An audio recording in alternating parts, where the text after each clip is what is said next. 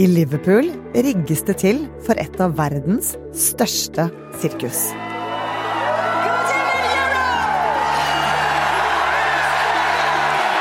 Lørdag skal 160 millioner mennesker se artister opptre i eksentriske kostymer.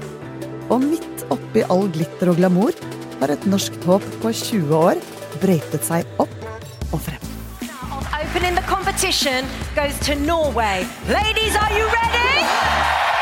Let the Eurovision song Man blir jo fornøyd med noe annet enn første år, men det er- det er jo den de går for. Det er ikke utenkelig. Og I år så virker topplassering nærmere enn på lenge. Alessandra kan bli kongenes dronning. Men vil vi det sånn egentlig? Du hører på Forklart fra Aftenposten, og jeg heter Synne Søhol. I dag er det fredag 12. mai, og denne helgen er det finale i Eurovision. Eurovision er rett og slett eh, et sirkus uten sidestykke. Eh, Det er galskap eh, både musikalsk og showmessig på scene. Det er jo ikke nødvendigvis alt som er den beste musikken jeg har hørt, men alt rundt og galskapen du opplever er helt unik. Det er verdens største show. Robert Hoftun Gjestad er musikkjournalist og anmelder i Aftenposten. Og han har vært til stede ved nesten alle MGP-finalene siden 2010. Jeg synes nå er vi i Europa. Da heter det Eurovision. Det heter MGP i Norge. Det heter Eurovision i Europa. Der har jeg prøvd å lære folk i Aftenposten siden 2010, men eh, det går ikke. Akkurat. Eh, nesten hver eneste Eurovision siden 2010. Så i tillegg til deg, Robert, hvem er det Norge har sendt til Eurovision-finalen i år? Vi har sendt eh, en helt uh, ukjent artist uh, før, før i år. Uh, Alessandra Mele, norsk-italiensk 20-åring som uh, vokst opp i Italia, men har norsk mor. Kom til Norge for et par år siden for å satse på popmusikk. Det her er hennes aller første låt, som hun sjøl har vært med på å skrive. Eh, kom som en overraskelse i den norske MGP-finalen, og er nå en av favorittene i internasjonale Eurovision. Alessandra er jo helt fersk og, og ung og uerfaren. Eh, Hun har jo veldig lite sånn sceneerfaring, og nå skal hun synge for hele Europa, hele verden. Eh, Så ja, hun har nok virka litt nervøs eh, i forkant av, av finalen her. Og da er det ikke mye som skal til for å bli vippet av pinnen. Og det var det som skjedde på tirsdag. Alessandra gikk opp på scenen, tok mikrofonen, og så sviktet teknikken. Tidligere i dag har det vært eh, generalprøve, og den gikk ikke helt som det skulle for Alessandra. Ok, skal jeg være ærlig? Det Jeg syns ikke det gikk bra, men ikke av eh, meg. Jeg hørte ikke meg selv. På generalprøven, siste generalprøven på tirsdag så eh, hadde hun noen tekniske problemer. Eh, alle artistene som er på scenen har jo en sånn in-air-teknikk, altså at du har musikken direkte inn i ørene. Og den svikta. Det, det kom nesten ikke lyd inn der i det hele tatt. Og da er det vanskelig å, å på en måte synge rent og synge følge låten. Men det fiksa seg jo fram til sjølve semifinalen. Eh, Men, men det var jo en teknisk utfordring som gjorde at det, det ble ekstra tøft da, for en så uerfaren artist som Alessandra. Hvordan håndterte hun det, da? Hun virka litt urolig eh, rett etterpå. Jeg tror kanskje ikke hun var forberedt på at eh, det her kunne skje. Eh, Men så fikk hun nok hjelp av det teamet sitt og fikk nye tester på, med teknikken og kjente at det, at det fungerte. Og så går det jo litt inn i bobla når du står bak der og, og plutselig springer ut på scenen. Sånn at det kan hende at du bare glemte akkurat, akkurat i de tre minuttene du var på scenen. Det så i hvert fall ikke ut som hun var noe prega av det. Hvordan gikk selve semifinalen? Ja, det gikk bra. Jeg syns at du leverte en god framføring av, av låten. Det var eh, energi, og sang, sang godt. Um, og så var det jo ganske mye spenning knytta til uh, sjølve Da resultatene kom. Eh, det ble jo ropt opp eh, ett og ett land, og ti stykker skulle gå videre. Og til slutt så var det bare én plass igjen. Og da var nervene ganske i høyspenn i salen her. Men eh, Norge ble, gikk videre som tiende land. Men i forkant av den store finalen har Alessandra gjort én ting bedre enn alle andre.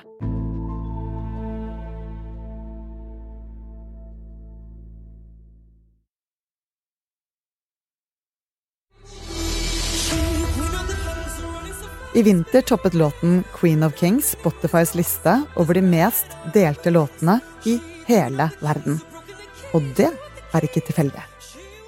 Hun er rett og slett uh, veldig mye større på TikTok enn uh, de uh, 36 andre artistene som er til stede her i Liverpool. Hey everyone, it's Alessandra.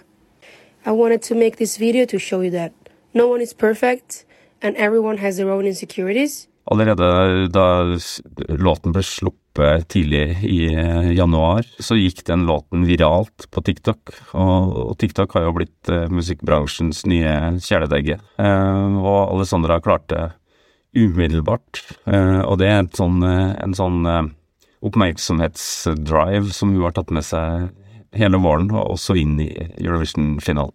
Hva er det hun gjør på TikTok da, som er så populært? Da, hun deler absolutt alt. Hun deler bilder fra scenen, hun deler bilder fra bak, hun deler bilder fra On the road again.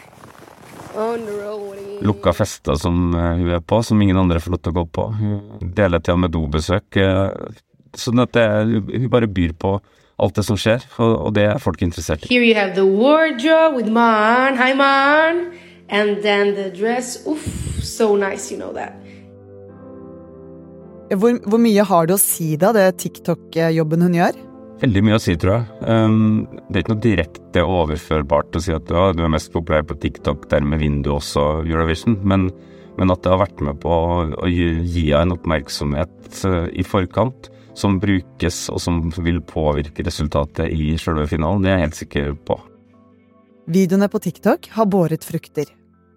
Alessandra får mye oppmerksomhet fra andre nasjoner, der hun går fra intervju til intervju. Og nå har til og med BBC invitert henne som gjest i talkshowet The One Show. Hvor gode er vinnersjansene til Alessandra egentlig? Hun er en outsider. Eh, hun er ikke den største favoritten lenger. lenger. Hun, har vært en av de topp fem-favorittene i, i, i forkant av finalen. Hvilke låter er eh, favorittene, da? Per nå er det jo dessverre, får vi si, uh, Sverige.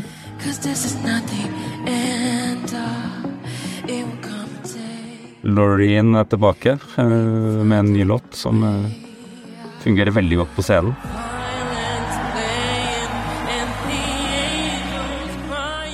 Finland har en veldig populær låt. Jeg elsker denne låten. Den er fullstendig galskap uh, i, tre minutter. Det er sånn vi liker det. Men så tror jeg jo kanskje aller mest på Frankrike, hvis uh, jeg skal si min mening. Uh, det er jo en låt som folk ikke har hørt ennå, for den kommer jo først i finalen lørdag kveld. Men den tror jeg vil overraske de fleste som ser den for første gang på lørdag kveld.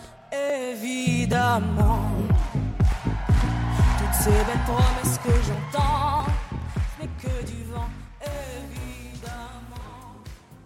Finalen på lørdag avgjøres av to grupper. De som ser på, altså publikum, og en jury. Publikum kan stemme frem sin favoritt med mobilen, og disse stemmene teller 50% Resten av stemmene er juryer i hvert land som deler ut ulike poeng, der alle kjemper om å få den sagnomsuste tolvpoenget. Attention! Les 12 points. 12 points. 12 points. 12 points from Norway. And our 12 points go to Blant favorittene i år så er det jo veldig mange på en måte energiske partylåter. Uh, og det klaffer jo ganske bra. Norge har jo også en veldig energisk uh, låt som, som, skaper litt party. Uh, og det er tydeligvis det folk vil ha i år, og det er jo viktig når da du skal treffe 160 millioner TV-seere rundt omkring i, i verden. Hvorfor er det partylåter som gjelder i år? Det var snakk om det både i fjor og i år. Eh, at eh, vi fortsatt er litt prega av eh, pandemi, og vi er litt prega av krig og elendighet og dyrtid og alt som er ille. Og derfor så vil folk ha noe som måtte en slags virkelighetsflukt og noe energiske ting. Så det var snakk om det i fjor, og det er snakk om det i år. Og det er partylåtene som, som markerer seg sterkest. På kort sikt så vil vi jo at Norge skal vinne. Og gå inn i nasjonaldagen med en seiersfølelse. Som da Alexander Rybak vant i 2009.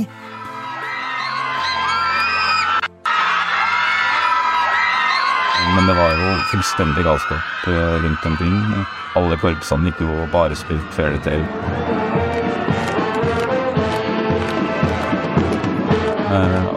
På slutten av dagen så kom jo Rybak tilbake til Norge. Eh, han hadde jo sagt at eh, alle må komme og ta imot meg på Gardermoen når jeg kommer tilbake. Og det hadde han glemt å klarere med sikkerhetsfolkene på Gardermoen. Så der var det fullstendig kaos.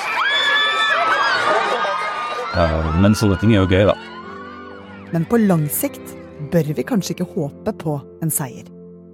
Det er en eneste grunn til å ikke ha lyst til å vinne Eurovision. Og det er jo at eh, da må du arrangere finalen neste år. Eh, og det er svindyrt. Det koster å lage Europas største sirkus. I 2009 hadde Russland brukt én milliard kroner på festen. Det var tall som fikk NRK til å svette. Nei, det ble nok ganske kjapt da budsjettkonferanse på, på Marienlyst et par dager etterpå. Eh, Da kom jo hele Eurovision-sirkuset fra en finale i Moskva som hadde kosta over én milliard kroner. Eh, eh, Men det var jo unødvendig, eh, at det skulle koste så mye nødvendigvis. Men at det ble, kom til å bli dyrt for NRK, det var det jo ingen tvil om. Og, og det viste seg jo til slutt da at eh, totalregninga for arrangementet var på 200 millioner. Og det gikk jo utover eh, noen sportsrettigheter og noe egen dramaproduksjon og andre ting som måtte prioriteres bort, da. Og nå er det kanskje enda dårligere timing. Økonomien er trang for alle, og i fjor gikk NRK 54 millioner kroner i minus. Hvis vi må arrangere Eurovision i 2024, Robert, hva er det som vil måtte ryke da? Det kan være eh, færre egenproduksjoner, mindre dramaproduksjoner, eventuelt selv noen sportsrettigheter som, eh, som jo er ganske dyre ting. Eh, Jeg tror jeg prata med Morten Thomassen, som er leder i den norske Melodi Grand Prix-klubben her, og han, jeg spurte han hva det kunne bety for NRK. Og da sa han med jubel i stemmen det betyr jo mindre sport på TV-en og bare Grand Prix, og det passer jo meg veldig fint, så, så han var i hvert fall veldig glad. Men eh, nei, NRK tar jo de, de sier jo ja, du kan ikke si nei, du må arrangere finalen hvis eh, vi vinner. Uh, og, men det kommer til å få noen konsekvenser. Uh, men det blir jo prioriteringa som de får sette i gang med på mandag. Men kan det ikke gagne oss på sikt, da? Er det ikke god PR for Norge? Det er bra PR for Norge, og, og det har jo en sånn ekstra effekt eh, som, som er viktig. Altså det å teknologisk og kompetanseutvikling i NRK, det er jo én ting, men så kommer det jo tusenvis av fans eh, som drar med seg masse penger inn, inn i Norge i eh, et par uker mens det står på. Eh, og så er det jo litt sånn eh, Det er et enkelte land som faktisk ikke er med i Eurovision lenger, fordi at det har blitt så dyrt i tilfelle de vinner, eh, så de har faktisk har trukket seg fra hele konkurransen.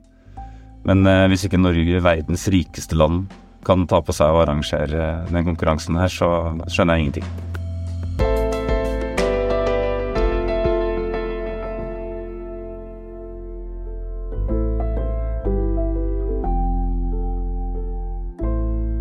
Du har hørt en podkast fra Aftenposten.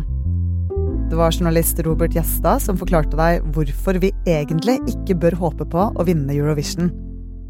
Lyden du hørte, er fra EEC Norge, NRK, VGTV, Eurovision og Alessandras TikTok. Denne episoden er laget av produsent Olav Eggesvik, Anders Weberg og meg, Synne Søhol. Og resten av Forklart er Jenny Førland og Philip A. Johannesborg. Hva tror du? Våkner maskinene til live? Vi skal være litt forsiktige med å bruke vår bevissthet som en målesnor på hva bevissthet faktisk er for noe.